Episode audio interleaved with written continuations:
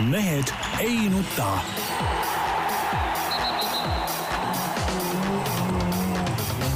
mehed ei nuta.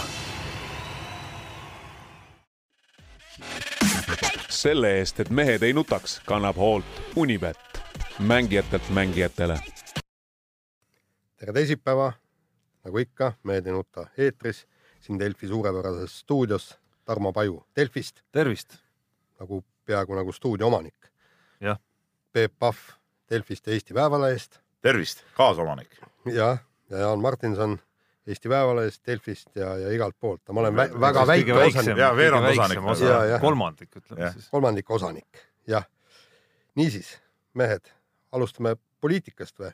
mulle, mulle muidugi ikkagi meeldib äh, Keskerakonna poliitilised käigud, et kuidas siin Tallinnas väga osavalt, tähendab, püüti käed puhtaks igasuguste keskkonnateemadest, sellepärast et rohelised toodi siis sinna nii-öelda linnavalitsusse. ja, ja siis muidugi aeti tülli ka Reformierakond ja, ja IRL sellega, et, et, et toodi ka sealt üks vend aselinnapeaks, et, et minu meelest geniaalsed käigud, et tuleb ainult aplodeerida no sa oled linna linnaelanikuna ma saan aru, et sa oled ikkagi rahul, et su linn on äh, saanud headesse kätesse Aivar Riisalu ja ja Zuzu Izmailova näol. ei Ei, see, või- ei ma- no see Riisalu, see on omaette teema, see on nüüd nagu, nagu, nagu selgrootusliku limmukuse mingi musternäide nagu. mees on Keskerakonnas olnud, sealt lahkus, rääkis, et automaat kapis läheb Isamaad äh, kaitsma, eks ole, Isamaa äh, Res Publica Liitu ehk IRL-i. noh, nüüd jälle tirinad pakuti mingit abilinnapea kohta, juba sealt parteist väljas. ju eile Aktuaalses Kaameras juba ajas mingit segast juttu, et noh, ta pole veel Keskerakonda astumisest mõelnud, aga noh, küll see ka nii läheb, eks ole. no mis asi see on siis? no mingi hüpiknukk edasi-tagasi käib seal. ei, aga see, sealtmaalt mind ei huvitagi, mind huvitavad just see, et, et vaata, rohelised nüüd said nii-öelda piruka juurde ja kusjuures kokkulepe, piruka juurde. ei, Neile kokkulepe, antakse raasukesi sealt noka Ei. vahel, nemad ise piruka juurde ei saa. Peebukene, kokkulepe on ju selline, et nemad vastutavad Tallinna keskkonna eest ja, ja mis kas võib, kokkulepe ei ole pigem see, et äh, hoiate oma reidi teel moka maas ja ja kogu lugu? ei kuule, ma, ma ei usu, reidi tead on vajalik asi ju. Ei no ma saan, see on eraldi teema kuule ma ei usu iialgi rohelistest seda, et nad hakkavad nüüd nii-öelda seda keskkonda no kahjustama minu arust äh, värske abilinnapea, ma ei tea, on ta ametis veel või ei ole, iga hetk vist saab, on juba öelnud, et jah, et mõni puu võib-olla tuleks alles jätta rohkem, aga noh, üldjoontes kõik on okei okay.. ei, ei, ma, ma olen täiesti veendunud, kõik, mida eh, Tallinna keskkonnas nüüd tehakse, kõik saab on, see on kooskõlas rohelist, rohelise mõtteviisiga. just täpselt ja saavad rohelistelt tab tabroo, vastasel korral oleks muidugi jama, aga ma ei usu sellesse. ei usu või aga miks sa, miks sa ikka ei usu no?? ei, ei, ma, ma ei usu, et seal mingi jama juhtub, ma olen täitsa, ma olen et sa oled kindel, et kõik on Jaa, nüüd hoopis, hoopis parem? ma usun kindlasti rohelistesse. no Jaan usub nende rohelised, rohelised on mingid uhhuutajad, ega need ei ole päris inimesed, neil nagu reaalse eluga mitte mingit pistmist muidugi ei ole, seda näitab ka selle, mis ta oli, Zuzu, Zuzu ütleme elukäik siiamaani, eks ole. Pole pidanud eh, leiba teenima millegagi, on lihtsalt nagu mõnus äraolemine olnud kogu aeg ja, ja nüüd, nüüd siis Aga see on kõik- abilinnapea. no aga see on ju kõik, kõik noorpoliitikud, kes, kes neist on loonud mingit lisandväärtust? no kuidas ei ole, kui me nüüd äh, hakkame vaatama, siis me meenutades veel nädala jooksul ilmunud materjale näiteks ja, ja tulnud uudiseid, siis seesama Taavi Rõivas, keda olete siin kritiseerinud Jah. kõvasti, Eesti, parim müügimees. Mis asja Noh, noh? mis asja ta ei, Tegelikult- ei no kuule, Nii- liiga mees on ju jumal, mees on täielik jumalus ju noh, nüüd mõistad, tänu, tänu temale üldse, näe, teeme siin korraks kardinad lahti, tänu temale päike üldse paistabki meie peale, tead noh. kui teda ei oleks, siis ei olekski midagi. nüüd sai ikka selgeks, kes on tegelikult Liivimaa parim ratsutaja. absoluutselt noh. ja, ja, ja noh, mina arvan, et tema peaks saama eluaegse peaministri, presidendi, Riigikogu esimehe, ütleme see kolmik ametikoha elu lõpuni noh, ta on nii nagu nagu, nagu Brežnev omal nagu ajal. Brežnev jah, jah. et, et siin ei ole mingit juttugi. aa, kuule, Peep, täna kas ei ole mitte see äh, kuulus Jaa. püha? täna on öö, oktoobrirevolutsioon, suure sotsialistliku oktoobrirevolutsiooni aastapäev. Aurora, Aurora kahuripaugud kõmisevad praegu Peterburi kohal, eks ole, mis pärast tegelikult kandis oma õiget nime Leningrad, see linn, eks ole. et, et jah, sealt revolutsiooni hällist täna siis pihta hakkaski. ja, ja kusjuures vaata tsaaririiki te nagu ei toeta? ei, mis Miks? mõttes Aga, miks?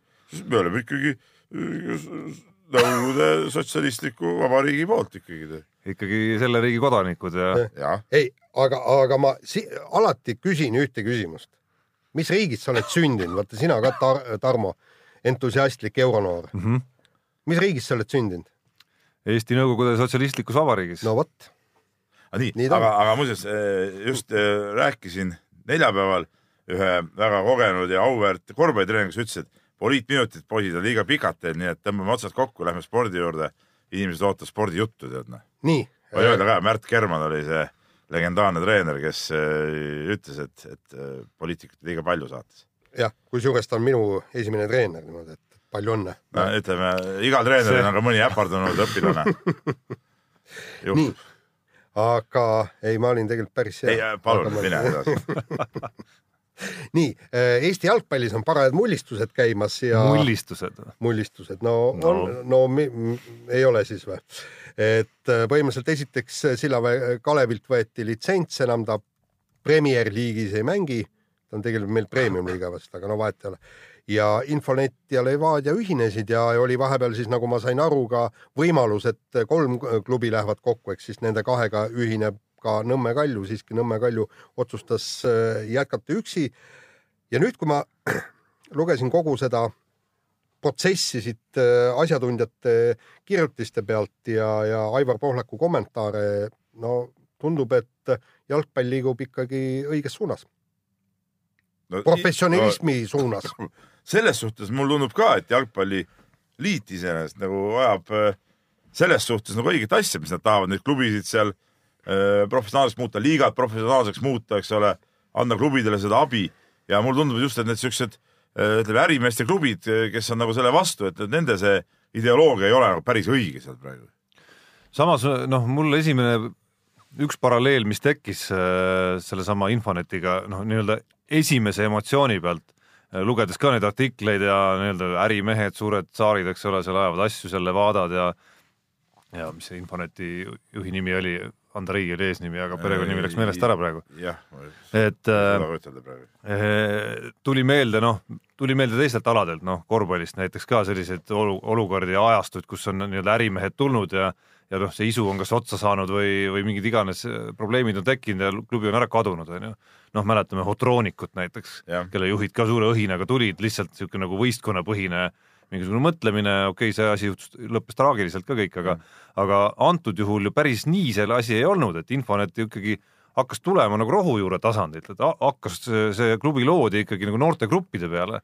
et see ei ole ainult mingisugune nagu mingi võistkond, kelle, kelle ainus siht on olnud, et saaks kuidagi mingi ägeda esindusvõistkonna kokku ja siis äh, sellega saavutaks midagi, et, et äh, ütleme, see viimane etapp sellest satsist, me ju ei räägi ühinemisest, me räägime siiski ju Infoneti pillide kotti panekust ja nii-öelda mingite struktuuride Levada või Levadia alla nagu üleminekust no ütleme, see noortesüsteem ja selle jah võiksin, ära et. tundub, et see nagu viimane etapp ainult kuidagi nagu kiirendas nüüd sellist ja, ja tekitas niisuguse nagu projektipõhisuse tunde, et et hakati nagu suurt mängu mängima, kuidagi loodeti vist, et see kõik käib kuidagi väga kiiresti ja nipsust, et tiitel siin ja järgmine tiitel ka veel otsa kohe ja, ja kõik on juba lihtne Euroopas kohe ei tea, kuhu jõutakse, eks, ole. eelarvesse kõik summad. arvestame sisse kohe, meistrisummad on ju, nüüd selgus, et äh, noh, ei saanud medalitki kätte, eks.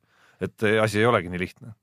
ei, seda, seda kindlasti, aga samas on äh, ikkagi nagu jalgpalliinimesed on rääkinud nagu seda teistpidi selle Levadia äh, filosoofiat, eks ole, Levadial on ka omad noored, kuigi viimasel ajal ei ole sealt eriti mängijaid peale tulnud tipptasemele, aga ikkagi kogu see peatähelepanu pidi minema seal sellele meistriliiga võistkonnale ja, ja kõik tehakse nagu selle nimel ikkagi, et see, et see mitte, et oma mängijaid peale kasvatades see struktuur oleks kõva ja vägev, vaid et, et see oma see meistriliiga võistkond jõuaks siis kuskil Euroopas äh, kuskil kõrgel tasemel, ega see iseenesest ei ole ka vale, see on ka nagu, nagu õige eesmärk ja, ja õige eesmärk peabki olema selline, et, et klubi tipp oleks võimalikult kõrgel, aga samas ei tohi seejuures unustada ära seda, et, et kuidas seda saavutada, et see nii-öelda see püramiid ja see osa peab olema kõik, kõik ikkagi piisavalt lai ja, ja, ütleme, see noorte värk ja see mängijate peale kasvatamine peab olema ikka efektiivne. vaata, eile tuli meil seal sporditoimetuses ju pikalt vaagisime seda, et, et, et tegelikult äh, see, mida jalgpall üritab praegu teha, ehk siis kogukondlike ja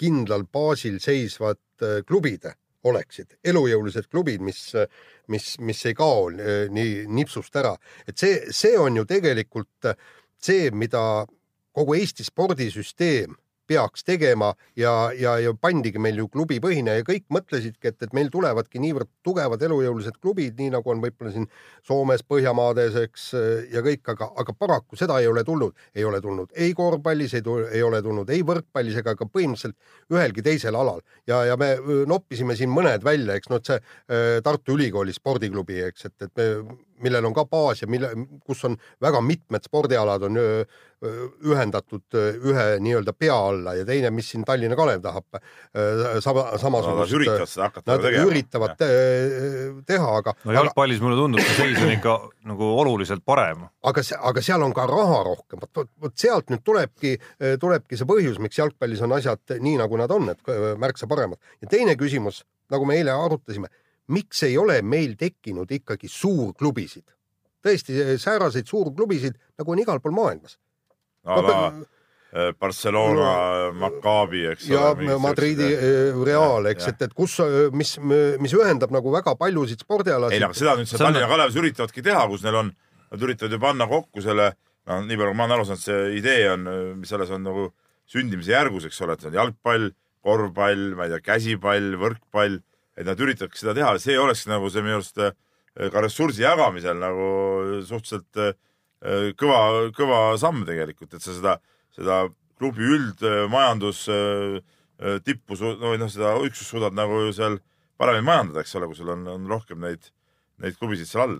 see reklaamiväljund ja kõik asjad on seal olemas ja suuremad. noh, teine probleem, mis räägib nagu sellise noh, ma ei mõtle nüüd mitut ala koondava klubi kontekstis, vaid, vaid lihtsalt nagu nii-öelda superklubi või suurklubi või nagu ikkagi nagu rahvusvahelisel, selgel rahvusvahelisel tasemel klubi kokkupaneku vastu on see, et tal ei ole ju mingit rahvusvahelist väljundit, et see kõik on nii noh, nii-öelda ausõna peal, see, et sa jõuaksid eurosarjas mingisugusesse faasi, isegi kui sa paned tõesti kokku nagu ma ei tea, Nõmme Kalju, Flora, Levadia ja Infoneti võimekuse, siis endiselt räägivad, räägib tõenäosusteooria selle vastu, et sa noh, ilmselt ei pääse ikkagi ütleme Euroopa liiga alagrupi faasi vähemalt, mis tähendaks, et see kõik tasub ära aga ja miks, sul sa ja sul on piisavalt, seda näitab, kui isegi siin Läti mingi klubi, on oli Ventspils või keegi. need on juhuslikud kõik. juhuslikud küll, aga see tõenäosus, et näiteks siin lähima viie-kuue aasta Jaa. jooksul mõni Eesti klubi alagruppide saab, on ikkagi re- reaalselt nagu olemas. just, aga aga me seda ei saa räägime kindlasti panna eelarvest sisse, et me nüüd kindlasti just, aga me räägimegi tõenäosusest sellisest, kus noh, ütleme, on tõenäoline, et viiest aastast ühel sa võib-olla jõuad, aga neljal,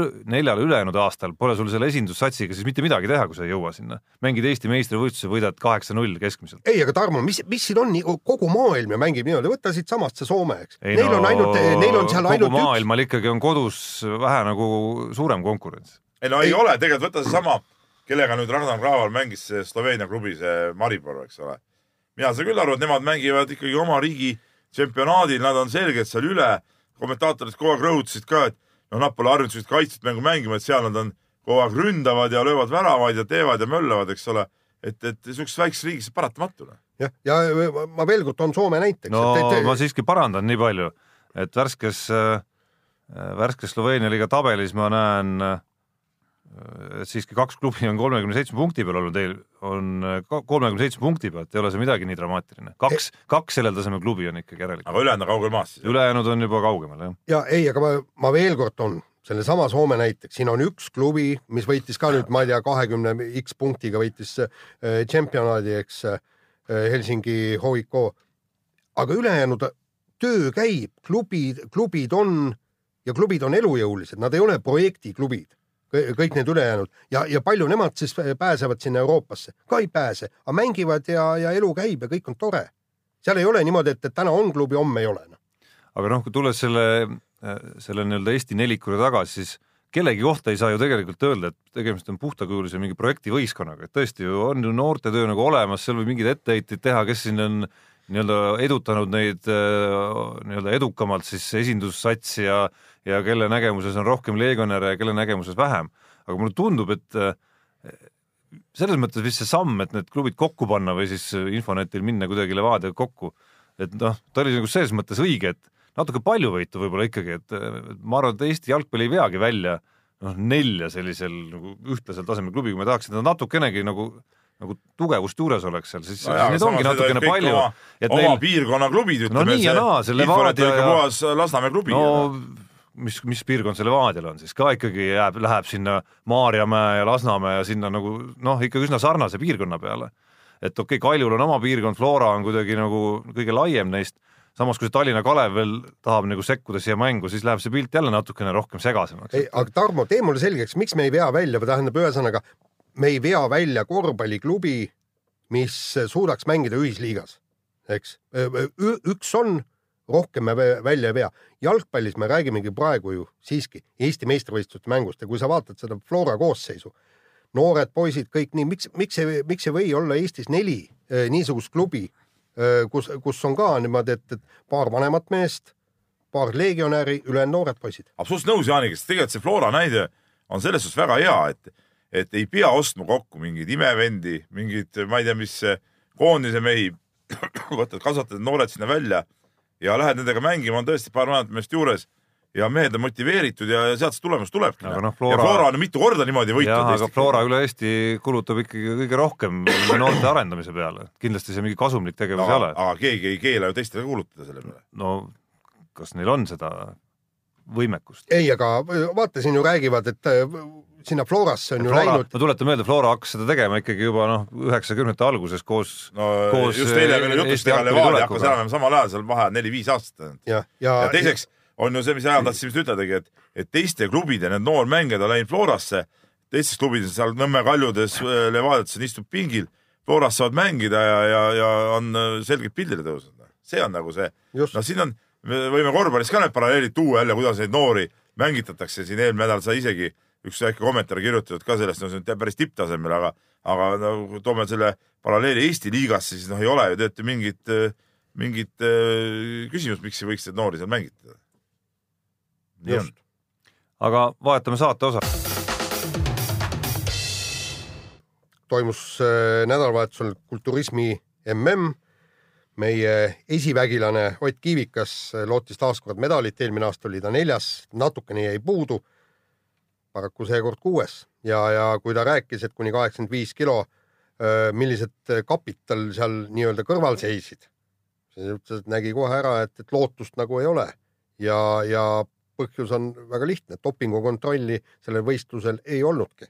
No see on muidugi nagu väga jabur minu arust, et käivad atleetvõimlemise maailmameistrivõistlused, eks ole, ja ei ole dopingukontrolli. Eelmine aasta oli niimoodi, et finaalist igast, igast finaalist võeti üks mees No nii-öelda väidetavalt loosiga ja siis, kui Kivikas neljanda koha sai, siis võeti kuuenda koha mees äh, dopinguga kontrolli ja muidugi kõmm jäi vahele ka. ja, ja ta ütles, et oleks, oleks keegi võetud eestpoolt äh, dopingukontrolli, oleks ma medali saanud.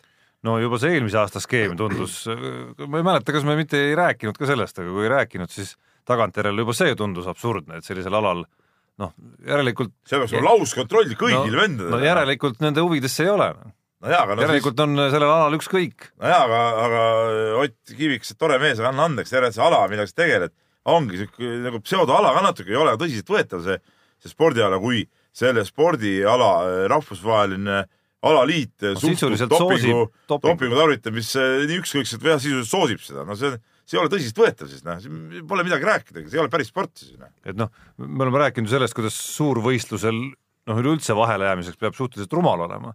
et äh, aga noh, seal on siis tehtud nagu selline noh, jõutud nii kaugele, et isegi seal ei kontrollita. nojah, tegelikult normaalne oleks, võtad neli esimest meest, võtad kontrolli ja siis vaatame edasi, mis saab. ja, ja, ja kui selgub, et äh, tegelikult tuleks kogu esikuuik võtta, ma ei tea, järeldus, ainus järeldus on see, et tõesti see noh, see, see ei olegi lihtsalt teema noh. jah, on. Äh, vahetame teemat, saime siin äh, kritiseerida isegi äh, Tallinna, kuidas ta on, Tallinna Ülikool Kalev on võistkonna ametlik nimi, kes siis äh, lasi lahti Rai, treener, peatreener Raido Roosi, võttis asemele a- nii-öelda sildtreenerina Kalle Klandorfi, rääkides siis, kuidas Raido Roos liiga keerulist korvpalli äh, üritas amatööre panna mängima, nii-öelda kogenumaid mängumehi siis ja oh sa imed, oh oh pime või kuidas see Peebu lemmikväljend äh, kõlab täpsemalt tuleb Oh, välja, et äh, ime. klubijuhid teadsid, mida teevad. kaks võitu, meeskond on täielikult ümber pööratud. ja kusjuures oleks siis lihtsalt võidud, aga Tartu Ülikooligi või- võideti. Nii et treeneril ja treeneril siiski on vahe. ma natuke nägin seda mängu, ma tervet mängu ei näinud. aga, aga pean tunnistama, et minu arust ikka Tartu mängis no seda mängu, vähemalt see lõpuosa küll väga, ise väga kehvasti ka, et ma ei näinud, et see Tallinna Kalev mingit imet oleks seal teinud.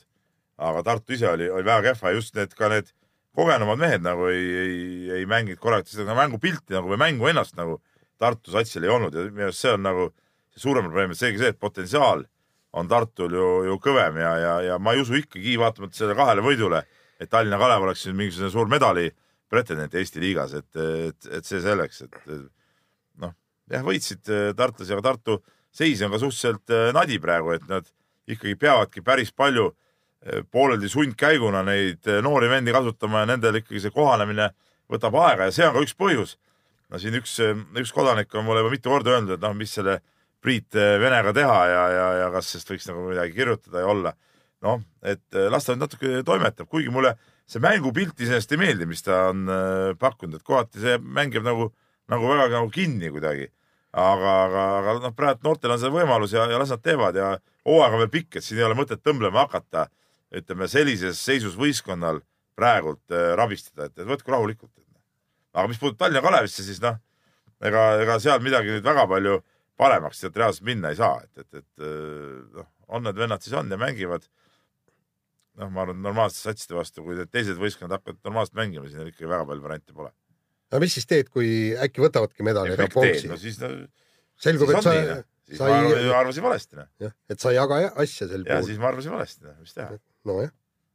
nii, aga äh, Tõnu Hendrikson, meie tuntud sõudemees ja tiitlivõistluse medali, medalite mees, palju võitnud ja palju näinud, ütles siis äh, sellise lause, et kui ületad valuläve, peaksid piltlikult öeldes pilves olema. ma ei tea, pole kunagi psühhotroopseid aineid proovinud, aga enam-vähem selline tunne vist on. noh, mis me siit järeldame, et Hendrikson ja Co on siis äh, valuläve ületamise narkomaanid või? no absoluutselt, aga tegelikult see ongi no mina, kes ma olen noh, ütleme niimoodi, et, täiesti välistan mingisugused pikad jooksuotsad ja kõik, sellepärast et mulle see kuidagi ei meeldi, ma hea meelega mängin kasvõi kolm-neli tundi järjest hoovijalgpalli ja kõik, et aga, aga minna jooksma, aga, aga nii palju, kui ma olen nende jooksumeestega ja suusatajate ja kestvusalade tegijatega rääkinud, nad ütlevad, et just see on see meeletult võimas tunne, kui sa oledki, lõpuks oled täiesti surnud seal finišijoonel. Ja kõik ja see ja ütleb tõesti, see pidi olemagi niimoodi, et, et ollaksegi pilves. no vot, ei tea, ei ole ju et kas see, mis on elus võib-olla kogetud mõnel raskel hetkel, pingutuse hetkel, et see võib-olla noh, see on ilmselt poisik no, ei ole nagu võrreldav selle leveliga, mida mehed on nagu tundnud ja ja, ja, ja, ja ilmselt ütleme, meie siin laua taga istudes ei, ei saagi sellel teemal väga kaasa rääkida, et et ma selles suhtes Tõnu Hendriksoni sõnu usun küll, et, et küllap see nii ongi, noh, et, et see on, see on mingi eriline seisund ikkagi, mis siis aga järelikult, järelikult ikkagi tuleb öelda ka niimoodi, et naljaga pooleks, et et ei olegi mõtet tegelikult ülistada neid mehi, et, et see ei olegi mingi nii-öelda noh, mingisugune tohutu mingisugune valu nende jaoks, et see ongi nauding, noh. ei, aga nii, nii ta ongi, aga muide, siin ongi üks, kogu asjas on üks küsimus. me heroiseerime kuidagi seda, et see on nüüd mingisugune tohutu mingisugune ma ei tea, mis noh, kaastundlikult vaatame seda Jüri Jaansonit seal kuskil komberdamas. või no neljasaja meetri tõkkejooksjad kes tihtipeale ka treeningutel lõikude ajal või pärast võistlust oksendavad ja, seal. tegelikult no, need on, tegelikult see on nagu ülim naudingu hetk yeah. tuleb välja. ja aga, aga siin on üks, üks aga on kogu selle asja juures. Neid mehi eh, või ja naisi, kes suudavad selle valuläve ületada, on väga vähe ja, ja noh, ma olen siin jalgratturitega rääkinud, Jaan Kirsipuu kunagi eh, selgitas, et eh, hea sprinter, kehva sprintija vahe on see, et, et ühel hetkel, kui jalad ja keha ütlevad, et ei, ma enam ei suuda siis väga-väga paljud ongi, kõik lasevad jala sirgu, sest nad ei suuda sealt enam üle minna. aga need, kes suudavad sealt üle minna, no need võidavadki. no väga osa, osa nii-öelda keelatud aineid ju ongi sellised, mis aitavad seda nii-öelda üle piiri minna. jah, just, lükkavad seda piiri lihtsalt edasi. nii, aga võtame järgmise teema ja esitati vahepeal äh, siin äh, läinud nädalal Eesti uut olümpiavormi. nojah, ühesõnaga meie talisportlased, nagu ma saan aru, lähevad starti süsimustas ja, ja kas on siis nüüd põhjust öelda, et, et matustele ikkagi minnaksegi leinariietes või? no, no äh, ütleb ju, ütleb ju klassikagi, et must lagi on ka meie toa all ja kogu see meie ajalugu on niisugune noh, nagu ta on üks su- suur orjaaeg, kui vaatad meie vabariigi aastapäeva kontserte, siis need on ka tavaliselt ikkagi väga no melanhoolsed. ma ütleks siia vahele, meie vabariigi aastapäeva kontserdid on ühed kõige õudsemad asjad maailmas, mis on Et üldse noh, lavastatud. et imelik, et me varem ei ole mustas välja läinud. Aga samas, samas ütleme niimoodi, see on, see on nõme, nõme vorm ausalt öeldes, totter, no, no ei meeldi, no ei no,. asi ei ole selles mustas värvis, minu arust üldse nagu, nagu suvalised riided nagu, nagu iga teine harrastussportlane kõnnib siin kuskil, ma ei tea, talveperioodil ringi, kes läheb suusatama, noh, täiesti tavalised riided, ütleme. ma ei ole mingi, mingi moeekspert, eks ole, siin Tarmo võib-olla on nagu sihuke trenditeadlikum, aga, aga mulle tundub nagu, et olümpiale tihtipeale ikkagi minnakse välja siukse nagu spetsiaalriietusega, mis on ikka nagu eriline, aga näeb välja eriline ja kõik need asjad, et, et seda seal nüüd Eesti, Eesti vormis nüüd küll ei ole. aga, aga kusjuures äh, peaks ikkagi endale ka tuhka pähe raputama, täpselt samal ajal äh, promoti siis ka Soome olümpiariideid. Ja see, mis äh, meedias järgnes, noh, ütleme, see, see oli noh, ühesõnaga nimetati seda asja kõike skandaalseks. Äh, läbi aegade üheks kõ- kõige kehvemaks vormiks, samas muidugi soomlased tõdesid, et ne, nende vormid on alati väga õudsed olnud ja, ja, ja miskipärast asjaga äh, ei, ei tulda toime. küsiti seal moegurudelt ja, ja kõik ja, ja ühesõnaga tõmmati kogu asjale vesi peale.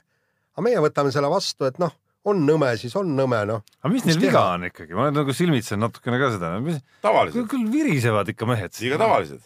jah, just. mis mõttes tavaline, mis seal siis olema peab? See- olümpiale minnakse mingi ekstra mingi eri, eririietes ikka vot tehakse. mäletad, mul see on see et mine osta Sportlandi poest need ja pane selga ja mine, no mis seal esitleda me, me mäletad, mul on kõige rohkem meeles see Salt Lake City's on vaata, kui äh, oli see äh, heledam sinine ja tumesinine natuke läikivad ka ja hõbedast oli seal hästi ilusad vormid ja sa näed kohe, et meie suusataja vot on, näed seal. no kui nad seal, kas see võistlusvorm saab ka must olema?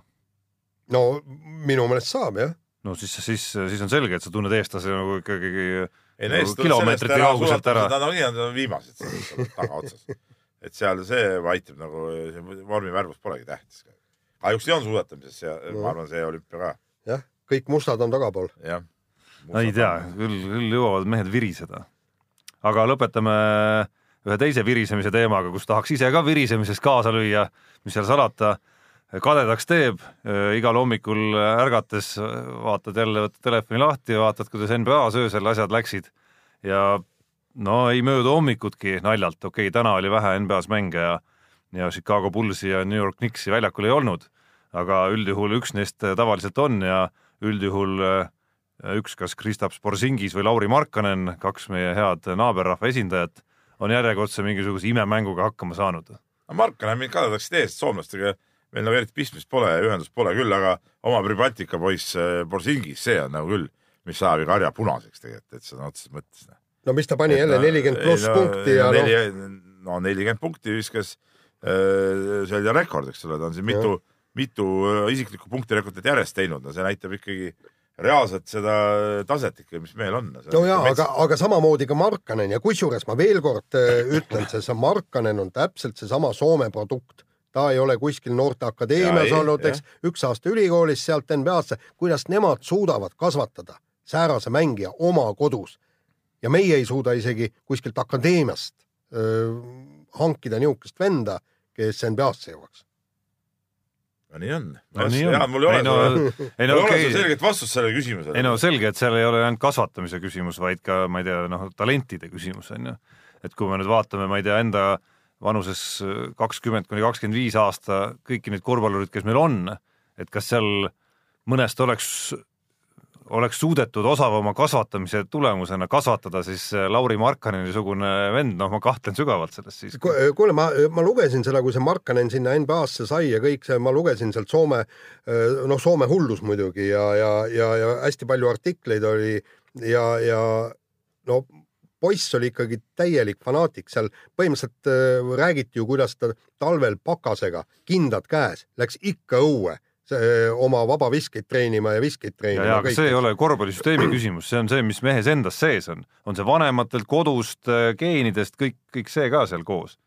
et noh, see on ka osa andekusest tegelikult ja ilmselt kõige olulisem osa isegi. absoluutselt, see on noh, kui ma ise poistega tegeleme, näen ka kõrvalt, eks ole, et kui ikkagi seda tahtmist enda sees ei ole, et siis on nagu ikkagi. et see ei ole miski, mida siis Soome ei saa, sa ei korvpallis saa vägisi kedagi panna neid asju jah, ma tegema ei. tahaks, ma ei tahaks uskuda, et, et Soome korvpallisüsteem on olnud põhiline, mis selle nii-öelda talvel treenimise isu mehesse nagu sisse noh, süstis enne Soome- ma usun kindlasti tema laps, tema vanematesse, kes on ju kõvad spordiinimesed. aga Soome korvpallist tahame või ei taha, süsteem on ka parem. süsteem on parem ikka, absoluutselt. nagu tuleb öö, välja sealt, midagi ei ole parata. me ei räägi ju Markkanenist ainult. jah, me räägime ju tavaliselt. no Euroliigatki vaatame, noh.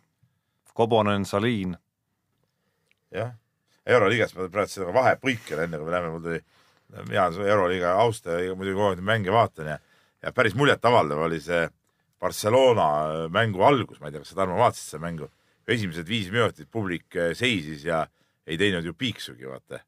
ja siis eh, peale viiendat minutit siis nad seal skandeerisid seal, no see oli ilmselt see mingi poliitiline avaldus selle Baskonia teemadel, aga see oli päris kõva. Ja siis, kui see nagu kõik nagu läbi sai, siis nagu elati kõvasti kaasa ka ja Barca sai sai lõpuks seal hea, hea võidu kätte, eks ole, et, et, et see oli, see oli väga kõva mäng ja mulle meeldis just see, see publiku käitumine.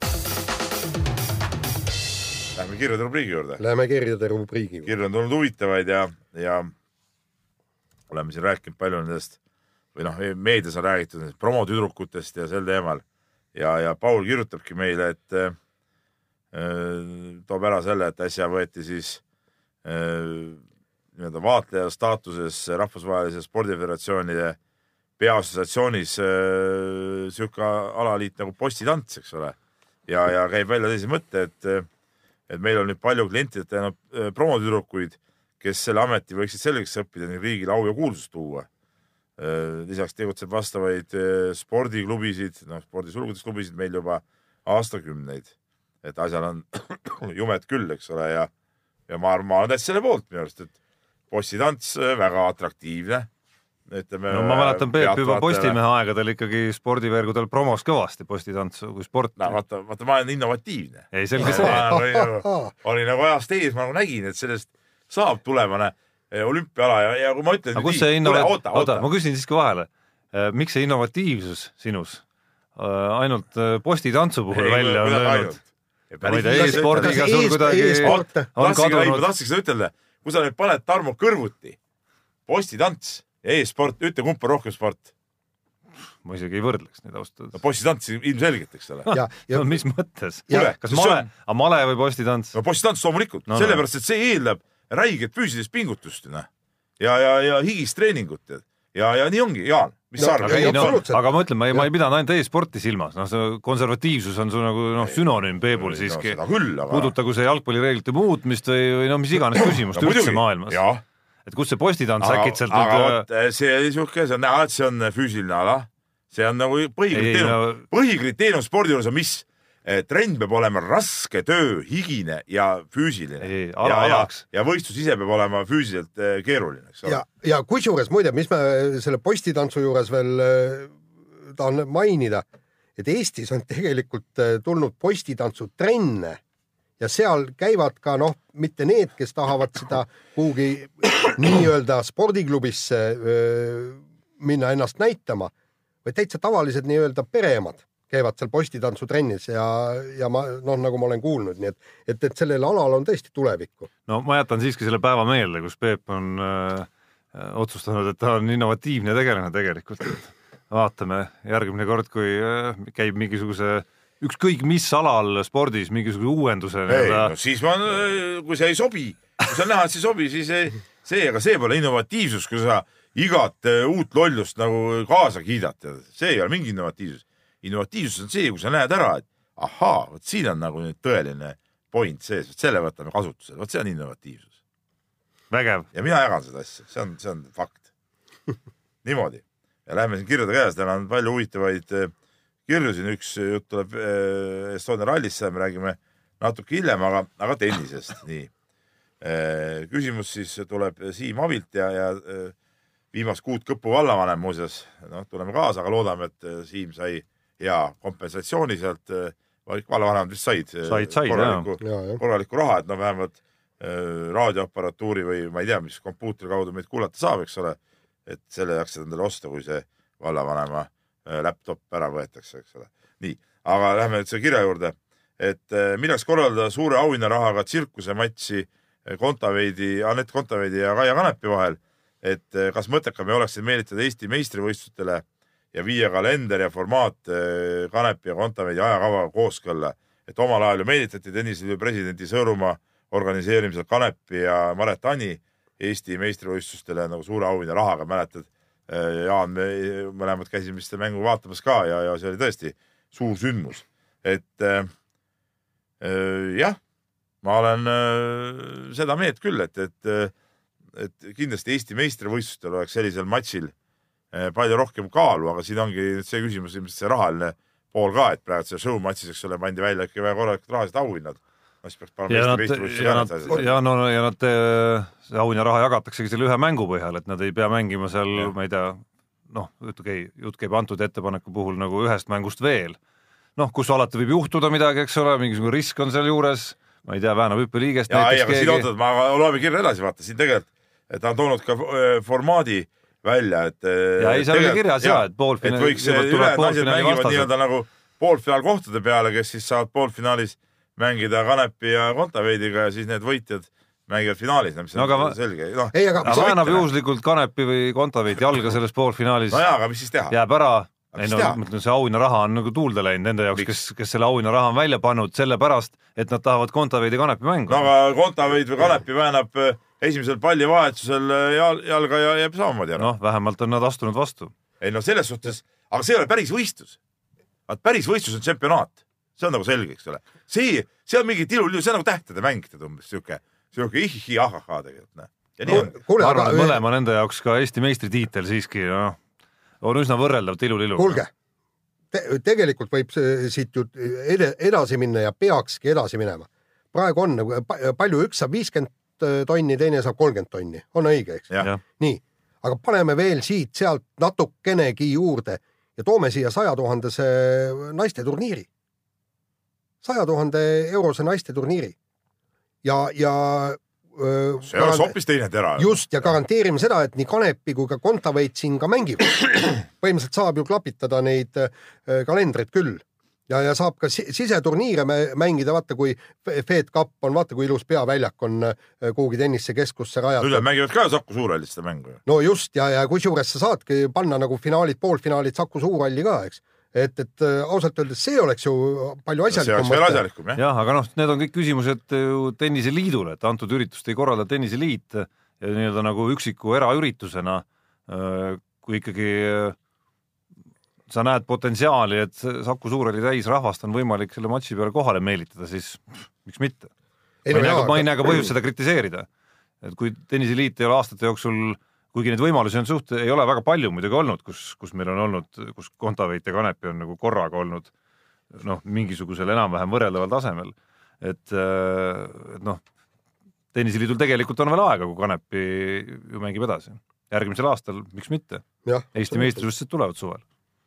No variant oleks. nii, aga nüüd viimase kirja, mis võtame, sellega tõsi, meil ka näiteks välisväljakut meil on sellist, kus nagu on võimalik sellist, noh, kas on võimalik ehitada mingit väljakut selliseks meil, et sinna on äh, a la viis tuhat pealtvaatajat võimalik no ära põhimõtteliselt majutada. kindlasti on. on võimalik. ja tänapäevaste tribüünidega jah, Äh, ei see ole on, see on võimalik, aga, aga Eestis on ju olnud suur tennisevõistlus, mäletan, see võis olla kaheksakümmend seitse, millal oli see liidu meistrivõistluste, kui äh, Võsand mängis siin, eks ole, see oli ju, see oli ju kõik puu, puu püsti rahvast täis oli see Kadrioru tennisekeskus, sama see Kanepi animatš oli seal ka lisatribüünid. et sellega ma olen iseenesest nõus, et äh, seda võimalust võiks kasutada.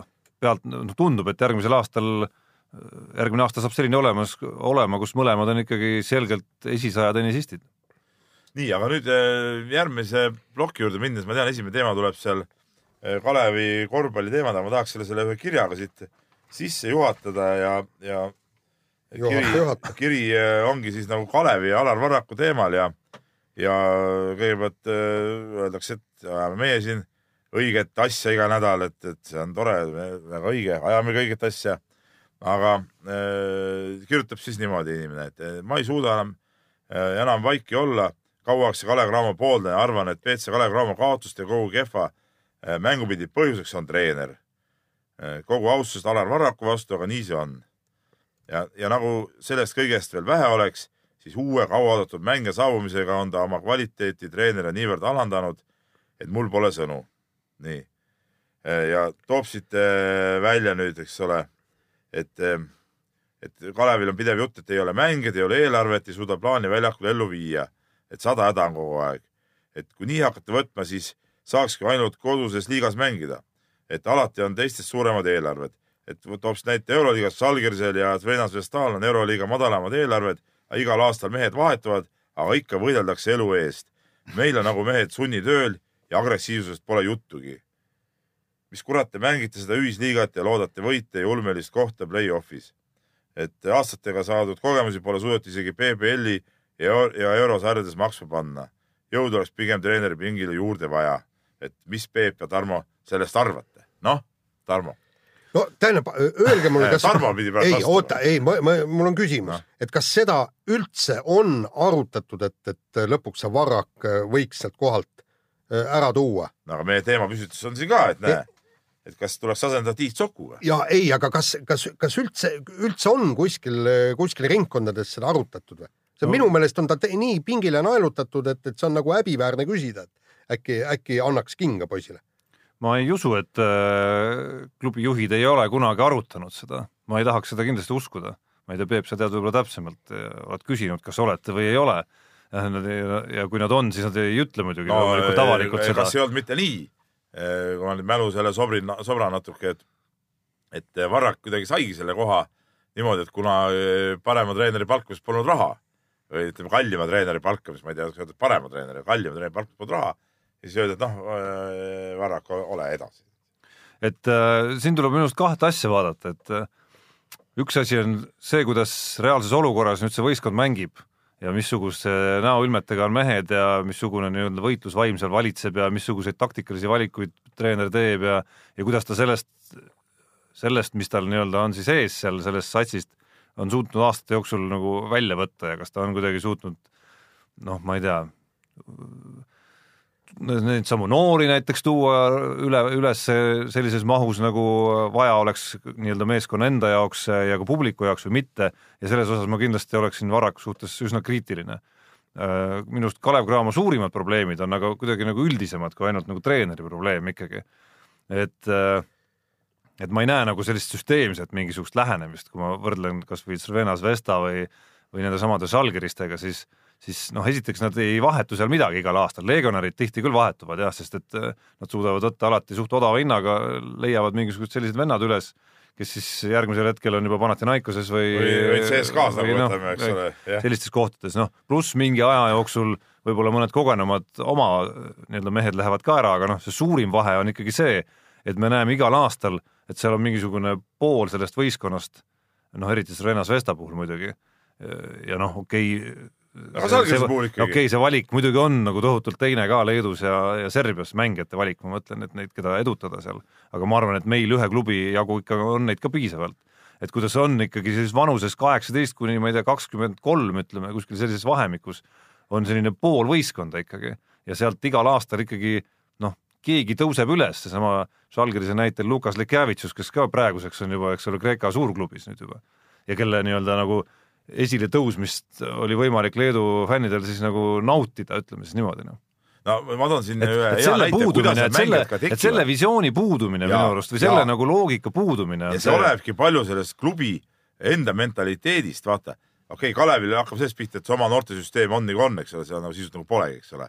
aga Kalev ei ole suutnud ennast ka teiste klubide jaoks atraktiivseks teha. mul on hea näide, ma mängin, olen poistega mänginud seda Euroopa noorteliigat ja, ja oli eelmine hooaeg, mängisin eh, siukse, siukse Biržai Eh, klubi on eh, Leedus noorteklubi.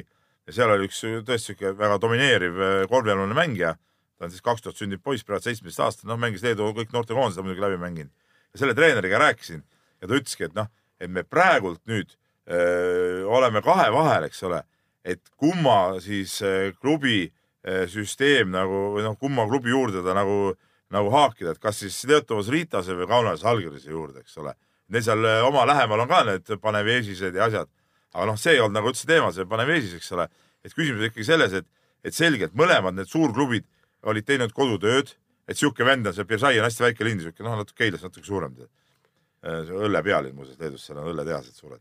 et ähm, sihuke vend on olemas, mõlemad klubid olid huvitatud, et see vend tuleks nende peale ja siis sel treeneril oli nüüd eh, mitte see küsimus, et, et kas ma saan kuti kuhugi saata, vaid et, et noh, kumma valiku ma nüüd teen, eks ole, et noh, et ma ei ole nagu ku- kuulnud, et eh, või näinud väga, et eh, Kalevi või, või, või Tartu vennad, ma ei tea, käiksid kuskil noh, no ma ei tea, oletame, et näiteks eh, Kohtla-Järvel on seal on siuke klubi nagu Hito, eks ole, et seal on mingi äge vend onju. Ei, no aga või kas või su enda Keila klubis, et need mõlemad öö, klubid nüüd käiksid ja et, et kuule, me tahame seda venda enda süsteemi saada. nagu ühel polegi süsteemi, okei okay, Tartu süsteemi läks mõni mees hea meelega, eks ole, seal on noortesüsteem olemas, seal on ronida, aga Kalevisse kuus lähed, polegi minna kuskile. ei no jaa, aga aga si sellest hakkab kõik pihta ja siis, siis saavadki sul mängijad tulla sinna. aga noh, see, aga teine, aga teine ots on jah, seesama nii-öelda see, mis, kuidas reaalselt me siis nagu ringi käime selle nii-öelda noh, selles süsteemis siis, mis meil on ja, ja, ja kuni selleni välja, et kui ma olen noor, siis tõesti ei tundugi ahvatlev, kui kui noh, ma olen, ma ei tea, Mattias Tass ja ma ei saa kuradi kolmeks minutikski väljakule. ei no jaa, aga mehed, tehke mulle me räägime ju Alar Varrakust. et see, see on juba Varraku otsus, mida Varraku mina jah., mis suhtes ma oleksin väga kriitiline ikkagi, noh, sa ise kirjutasid täpselt sama, samasuguse vihjega artikli tegelikult, mis oli no ma suunatud ju kaks Kalev Cramole., ei no mul on nüüd, mul on nüüd viimasest nädalast, mul on kaks jälle huvitav teema, ma räägin iseenda kogemuste peal kogu aeg, aga sama see seitsmeteistaastane Leedu poiss, kes tuli Salgirisest platsile. noh, ma olen jälle oma kuttidega ta vastu Eiblit ju mänginud ju, nüüd mees on juba Salgirises. pühapäeval tuli Leningradi seniidis, okei okay,, kõik viimaseks mingiks minutiks tuli platsile. samamoodi kaks tuhat poiss, kelle vastu me samamoodi Eiblis pannud, Peterburi eh, Naab ja Admiral Teiskaja spordikoolist, no treener Oleg on mul hea sõber, ma ei tulnud alguses kohe äragi, vaatasin järgmine päev Facebookis, Oleg oli pannud eh, pildi, et, et kutt eh, platsil, siis ma hakkasin vaatama ja näitasin oma poisile ka ja, ja oligi sama ja muidugi vaatasin nime ja et, et olen põrutanud venna vastu küll ja küll, et need samad seitsmetaastased kutid, kuule sellisel tasemel saavad ju platsile, antakse minutid kätte neile, noh. ja, ja, ja need kaks poolust omakorda on väga tihedalt seotud omavahel, see nii-öelda klubi nii-öelda ma ei tea, filosoofia ja siis nii-öelda peatreeneri filosoofia, et järelikult nad ühtivad, järelikult probleemi ei ole. ja, ja need on palju kõvemat tasemel klubid kui, kui see Kalev ju tegelikult, eks ole, ja seal mõtlen- leitakse need võimalused tead, tekitada neid äh, siukseid vendi ja mis mulle veel muidugi meeldis, no see, no see Salgerise mängu lõpp oli ju äge, ma ei tea, sa Tarmo seda mängu nägid vist Mhm. mm, -hmm. eks ole. et äh, vaata, oligi seal, no vahe oli siuke mingi kümme umbes, eks ole, seal oli mõned minutid mängida lõpuni, pandigi need noor sastaav sisse, eks ole.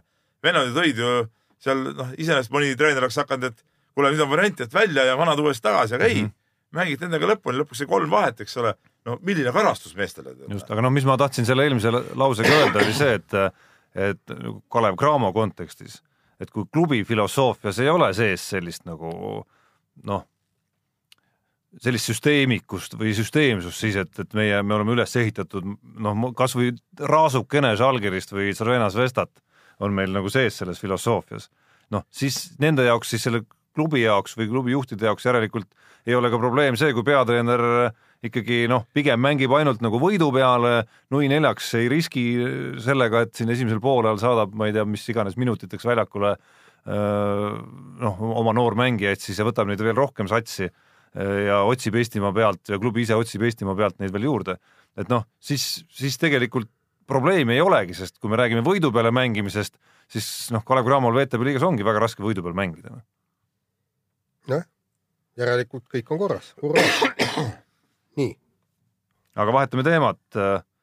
aga noh, mitte nüüd väga suure kaarega, tõsi, me oleme päris tõsises ajahädas. Markeerime jah. lihtsalt ära huvitavad asjad on tulemas. ja markeerime lihtsalt ära, et Eesti korvpallinaiskond on alustamas MM valikturniiri ja no mis seal salata, no päris keeruline väljakutse on Eesti naiskonda Väga ikkagi ees ootamas, et äh, seda enam, et selle äh, ühe nii- nii-öelda Eesti taseme tippklubi kadumise tõttu on ka mitmed äh, mängijad äh, koondise tasemelt ka kadunud või, või no ei ole nagu trendi teinud enam, et, et see, et ühest küljest küll päris raske olukord. ühest küljest me näeme küll äh, regulaarselt uudiseid, kuidas kaks meie korvpallurit äh, ehk siis Merike Anderson ja Mailis Pokk mängivad väga korralikes klubides Euroopas No väga korralikes liigades, tipptasemel ja on oma naiskonna põhitegijad. aga noh, meil on vastas ikkagi Poola, Valgevene ja Türgi, mis, mis on kõik äh, regulaarselt finaalturniiridel mänginud naiskonnad. väga keeruline ma ei näegi siin mingit varianti, olgem ausad. Ja see on sujuv võimalus minna meil ja lähme edasi ja Kaia Kanepi äh, võitis siis äh, järjekordse turniiri jah, Prantsusmaal Nantis. Prantsusmaal äh, Nantis ja. aga mitte see ei ole meie ja ei, teema. ma lasen mul minna sujuvalt, eks nagu kirjas no aega ei ole, Peep, ära, nüüd, et no turniiri võit, mis nüüd, me oleme spordisaade ikkagi, turniiri võit, aga võib-olla suurem võit tema jaoks on see, et ilmus siis eile poelettidele tema raamat, eluraamat, ametikäsitlus on vist esmaspäeval ja eh, Jaan, Jaanimaa komandeerisin eile nii-öelda koju raamatut läbi lugema, homses lehes soovitan kõigil osta, lugeda, Jaan kirjutab sellest raamatust pikemat ja laiemat, aga raamat on, ütleme ikkagi Eesti mõistes ikkagi skandaalne ja paljastav. no ütleme, et ta on skandaalne ja paljastav äh, kahes punktis.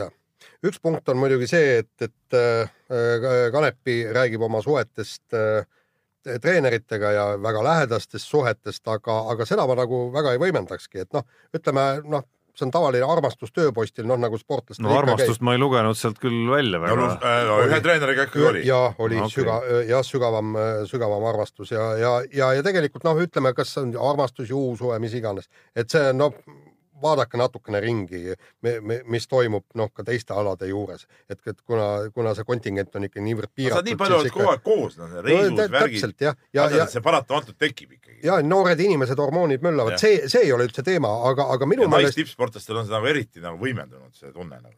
just, ma ei tea, ahah, no Peep on spe- spetsialist, ta Ei. hommikul koosolekul ka deklareeris kõik oma seisukohad ette, aga okei okay., aga, aga, aga muidugi teine on see, et, ikka ametlikud äh, uuringud, mis näitavad. aga teine on muidugi need väljavõtted päevikutest, kus, kus võib tõesti näha kogu seda spordi pigem valu, sellepärast et, et need päeviku väljavõtted on äh, kirjutatud, välja toodud just nendest perioodidest, kui Kaial eriti hästi ei läinud. et mõned üksikud väljavõtted on siis, kui tal tõesti läks hästi ja, ja, ja tegelikult, kui vaadata, kuidas psühholoogiliselt ikkagi sportlane kõike seda läbi elab ja, ja olles maksim-, ma, maksimalist, ta ei ole mitte, ta, seal kuskil ei sõima teisi, ta toob seal ära väga elegantselt punktid, et mis mulle ei meeldi isa juures, mis mulle ei meeldi treenerite juures, kõik nii, aga põhiline on see maksimalism enda juures. et talle ei meeldi, et öö, ülekaal ei meeldi, mänguoskus ei meeldi, see ei meeldi, kõik ja, ja, ja kuidas ta proovib endaga nagu seda konflikti lahendada ja, ja se- seda on terve, terve raamat muidugi täis, et, et, et just need on eriti, ma, ma ei ütleks, et ka skandaalsed, aga, aga just väga äh, nii-öelda mõjuvad leheküljed, kui ta toob neid väljavõtteid sealt päevikutest. päris huvitav, et äh, Kaia Kanepi, kes ei ole oma karjääri jooksul ikkagi noh, ütleme, et ta ei ole olnud väga avatud, jah, on, on korrektne öelda, onju. et, et ta nüüd on otsustanud ikkagi nagu nüüd nagu ikka väga avatud olla. no ütleme niimoodi, see avatus on ka äh, nii ja naa, tegelikult ta ei ole, ta on avatud äh, inimene olnud, ainukene asi, et ajakirjanikud vähemalt ei ole talle ligi pääsenud, pole tulnud seda momenti ja hetke, seepärast et noh, ka mina olen teinud äh, väga äh, paar, no ütleme siis ühe tõesti väga kihvti intervjuu te- temaga, aga see oli aastaid tagasi ja siis, siis teema oli kõik sellest, et umbes niimoodi mm, särgid, pallid, reisimine, söömine, kõik, et kuidas ta käib, eks. siis me istusime ka pealt tunni ja, ja, ja siis ta oli tõesti noh, ütleme, ma, kõik küsimused said vastused. ja ma olen ise teinud ka ühe korra Postimehe arterisse ühe pika intervjuu temaga koos Maarja Värviga me tegime seda, siis, siis ta rääkis ka pikalt ja laialt, aga, aga üldjuhul ikkagi äh, ta on ikkagi olnud suhteliselt äh, kinni aga, aga, aga Peep, vaata, see on jällegi meie probleem, kui meie oleksime käinud nagu võistlustel ja, ja see on täpselt seesama, mida, mida ta kirjutab ka seal raamatus. kui mäng on läbi, õhtul ta mitte midagi teha ei ole, tead nagu hundid uluvad akna taga, üksinda on seal hotellitoas ja, ja ei oleks olnud probleemi, kui me oleks seal olnud, et kuule, Kaia, lähme välja, sööme õhtust, ajame juttu. ja ma, ma arvan, et, et ta oleks seal ka väga avatud olnud. aga, aga paraku noh, meie väiksuse tõttu see on see on nagu ebareaalne noh. just, aga, aga see, ma tahtsin just seda öelda, et Jah. ei saa öelda, et ta, et ta oli liiga kinnine. oli see, et, et ta öö, ilmselt ei usaldanud meid, aga, aga ta usaldab inimesi, kellega ta pidevalt koos on.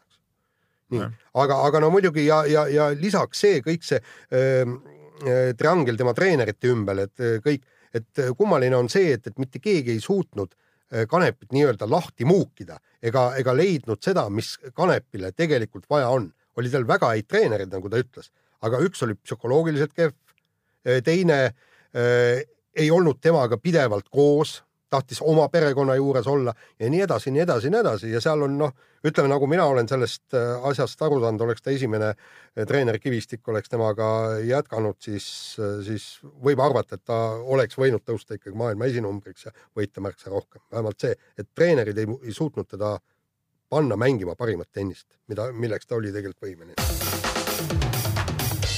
aga võtame nüüd kiirelt viimase teema ja räägime Rally Estoniast ja Rally Estonia tuleb tagasi, hurraa, aplaus, aga ambitsioonikad plaanid on äh, ralli korraldajatel.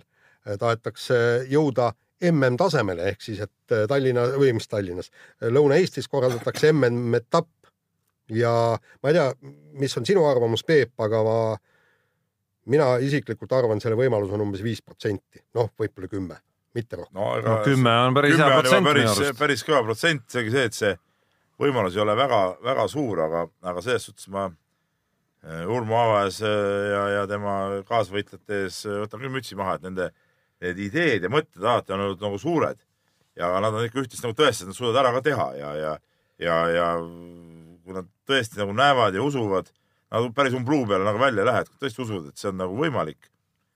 no võib-olla tõesti, võib-olla tõesti samas kuigi ei, ma kardan, et see ainult see võib-olla eh, Lõuna-Eesti jääb nagu liiga kitsaks võib-olla, et peaks veel kuidagi laiemalt, võib-olla tõesti saab mingi Lätiga veel kokku mängida või, või, või mingeid asju seal veel teha. üle Venemaa piiri ei, üle Venemaa piiri vaadata, aga üle Läti no piiri küll miski mitte. turg on ju olemas seal. turg on küll olemas, aga selleks see, see viisad, süsteemid, selleks on liiga keeruliseks, eks ole.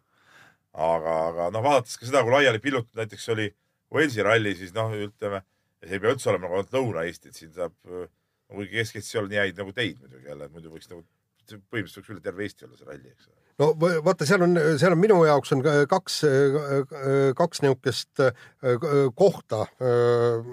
üks on see, et, et äh, meie, meie majutusvõimalused Lõ- Lõuna-Eestis. et äh, Tartus on. no ei, aga me vaatame, ei tea, et me vaatasime seal, seal Tartus on tegelikult võib-olla poolteist tuhat hotellikohta üldse ongi. Aga vaata, kui, kui meeletud tiimid tulevad kõik, tsenter peaks kindlasti Tartus olema, eks ju seal kuskil Otepääl, see on, see on täiesti Ei, Otepää päris, loomulikult. see on, nii, Tartus, aga miks nii. mitte Tallinnas? no ei, ma, just ütlen, ma tahaks seda öelda, ei miks, no Tallinnast sinna ei saa, sa ei sõida ju. kuule, te sõitsite ise siin kakssada kilti edasi-tagasi. jumal kaugel olid, et kõik, me räägime paarsada kilomeetrit. kui nii-öelda maailma mõistes see ei ole mingi vahe ju. jah, noh, jah, ütleme keeruline ikka, keeruliseks aga no läheb seegi. see, aga Tartu on ikkagi äh, siuke koht, ütleme, mina arvan, et see hotellide teema ei olegi nagu kõige. arust ei Aga- see kõige hullem on. hoopis see, kas sa leiad piisavalt äh, pikki neid äh, omavahel seotud neid kiiruskatseid äh, kvaliteetsteede pealt, see on nagu ometi ei, ma arvan, ka see leitakse. kõige suurem probleem on see, et, et meil toimub Soome ralli ja Soome ralli ei kao mitte kuhugi. ja, ja et, et kaks ühesugust rallit sisuliselt teineteise järgi, noh, vot see on see probleem no. See pluss siin probleem. piirkonnas on siiski veel ka Poola ja Rootsi. Poolat ei ole enam. okei, Poolat Poola kadus enam ära, Rootsi, Rootsi Poola on, eks ole. oma teede ise, ütleme selle nagu, seal ei ole neid siukseid, nagu meil Lõuna-Eestis on neid hüppeid ja värke nii palju, et Poola on küll kiire kruusaralli, aga ta on nagu siledam ikkagi. jah, et ta on nagu iseloomult natuke teistsugune. No ütleme nagu kõige suurem probleem on ikkagi meie väiksus, mitte selle hotellikohtade asjus või No,, või teede asjus, vaid lihtsalt, meeletult raha leida, et miks, et miks nad peaksid tahtma tulla Eestisse? kes? WRC, Ei, aga turu, miks turu mõttes me oleme ju null täiesti no jah, aga, aga siin ei ole auditooriumit ju sellist nagu jah noh, nii-öelda sponsorite huvi ei ole Ei, no Eestis jaa. midagi teha no.. ei no aga vaata, kui, kui sul toi, toimub ka need eh, nii-öelda omal ajal oli Küprose ralli oli ju, eks, et Jaa, no, no- palju seal siis seda auditooriumini väga on, eks no aga seda ei ole enam. ei no jah, ei ole, aga no võta kasvõi see Korsika ralli ja kõik, et see on ikkagi nii-öelda meediakajastus, eks, et meil toimub Prantsusmaal see ralli, eks. Aga tegelikult ega no mis seal Korsikal või siis eh, nagu ma käisin Sardiinias, see oli kuuort linnas, eks, rahvast oli küll tõesti, seal pealtvaatajaid oli palju, eks. aga, aga see ei, see ei olnud niimoodi, et, et ka meeletu turg, see ei ole Pariis. aga noh, ma ei tea, kas üldse see on peaküsimus selle Rally Estonia juures praegu, et kas saadakse nüüd see WRC etapp või ei saada et minu arust äh, isegi kui see projekt, ma ei tea, päädib sellega, et ma ei tea, kolme või nelja aasta pärast ikkagi noh, saab selgeks, et, et see ei olnud realistlik, siis see sureb. siis, siis ta sureb või no okei okay,, siis ta võib-olla sureb ära, ja võib-olla suhteliselt kindlasti, ma ei, aga ma ei usu, et ta jääb ralli püsima, kui ta ei jõua MM-sarjas. no sellel asjal ei ole nagu pointi otseselt. Just, aga- ei no, ei no, ei no kuidas ei ole pointi, kui nad suudavad sellisel äh, moel seda rallit suudaks nagu püsivalt edasi ka teha, nii nagu nad soovivad esimesel aastal kohe seda teha. peaks siia tulema, niimoodi, no neil on ju plaanid, kuidas nad äh, nii-öelda saavad nii-öelda ametlikuks testikohaks nagu test ja me selline nagu võistlusralli kuidagi segamini ja tõesti maailma tippudest igast tiimist suudetakse üks vend siia kohale näiteks tuua. ma arvan, et see oleks nagu Eesti rallipubliku jaoks ikka nagu metsik üritus. no see oleks metsik üritus küll, aga ma ütlen, et, et, et kas ma... see on äh, püsiv ja jätkusuutlik, kui ta ei ole ametlik ralli, mina, ma nagu kahtlen selles. Ja sellepärast, et see ERC, mis, mille ralli ta nii äh, varem oli, oli no see, see on üsna niisugune tühi võistlus. tühi sari tegelikult jah, see on väga tühi sari. noh, seda enam minu arust on antud juhul pointi, et lõpuks see noh, lõpuks ei olegi see peamine, et sa oled mingi sarja osa, et kui sa suudad teha võistluse, kus, mis toob kohale, ma ei tea, kümme tuhat inimest näiteks sinna, äh, milles kõik kulgeb ladusalt, sportlikult on põnev, rallifänne Eesti on paksult täis. ja Tarmo, aga see eeldab tiimide, siis vähemalt seni, kuni Ott Tänak. tiimide täielikku filosoofia muutmist, sest praegu tiimid ei käi sellistel rallidel sõitmas, noh. et ei ole ju kuskil, et et nüüd käis seal, ma ei tea, lööb, käis öö, äh, oma tiimiga seal või seal. mõnikord nad teevad küll mingeid sutsakaid, aga need on kõik mingid ekstra mingid omaette projektid, eks, et need ei ole nagu tiimid ja tiimid siukseid asju ei kasuta, see tähendab kogu see rallimaailma mõtte, mõtte muutmist. vot seda enam, kui neil tõesti õnnestub see nüüd mõnel aastal teha, siis, siis on see, isegi see oleks ülikõva sõna. Olgu selle WRC-ga, kuidas on. jah, aga, aga see eeldab mitte seda, et sa korraldad head rallit, sest neid häid rallisid on maailm täis, on ju, eks. aga tähendab see, et, et sa pead kuidagimoodi jõudma kokkuleppele tiimidega ja sõitjatega. aga igal juhul ütleme, meeste ponnistus on igatepidi toetamist ja, ja kiitust väärt, see on nagu fakt. No, no põhimõtteliselt on ju nende initsiatiivil, Rally Estonia korraldajate initsiatiivil suudetud ju isegi nii-öelda uus riiklik spordiürituste toetamise meede nii-öelda luua. see on ju puha, puhas tegelikult Rally Estonia korraldajate no ma ei tea, kas ainuinitsiatiiv, aga kindlasti on neil päris suur osa selles, et, et selline. päris ainult nende oma ikka ei ole, et seal ikka muud need äh, võistlusasjad ka nagu sees. no nemad on ikkagi kõige rohkem A rääkinud sellest ja, ja B äh, näidanud ka numbritega ära seda, äh, mida toob, eks ole, sellise ürituse korraldamine nii-öelda riiki tagasi ikkagi. Nemad on selgelt, minu, minu teada on nad ikkagi ainsad, kes nii selgelt on selle nagu ära näidanud mõne spordiürituse puhul. no absoluutselt, aga teine asi on see, et, et riik ei ole seda ikkagi väga kuulda võtnud. no nüüd pärast... ikkagi on üsna selgelt, noh. no räägime, nüüd on, aga tegelikult... räägime suhteliselt arvestattavatest summadest. jaa, see summa, tead, need reeglid on ka päris karmid seal selle summa saamiseks, sa pead ju topelt vist tagasi maksma kuidas see oli? Topeltkasu pidid tooma. ei no sina, sa ei pea ise midagi tagasi ei, maksma, aga jah, need. sa pead topelt tooma selle raha nagu tagasi. just, mm -hmm. aga noh, nende numbrite järgi, mida nad seni on suutnud teha, ei tohiks see probleem olla. nii, nii, aga lõpetame sellega saate ära, meilt seal üle tunni on natukene läinud ja Pole midagi, ostke homme Kaia Kanepi raamat või minge täna juba ostke või homme või juba ei pruugi seda lettidel olla. homme ostke Päevalehte Jaan Martinsoni käsitlus sellest raamatust. just. reklaamin julgelt välja. jah, ja kuulake meid nädala pärast. mehed ei nuta.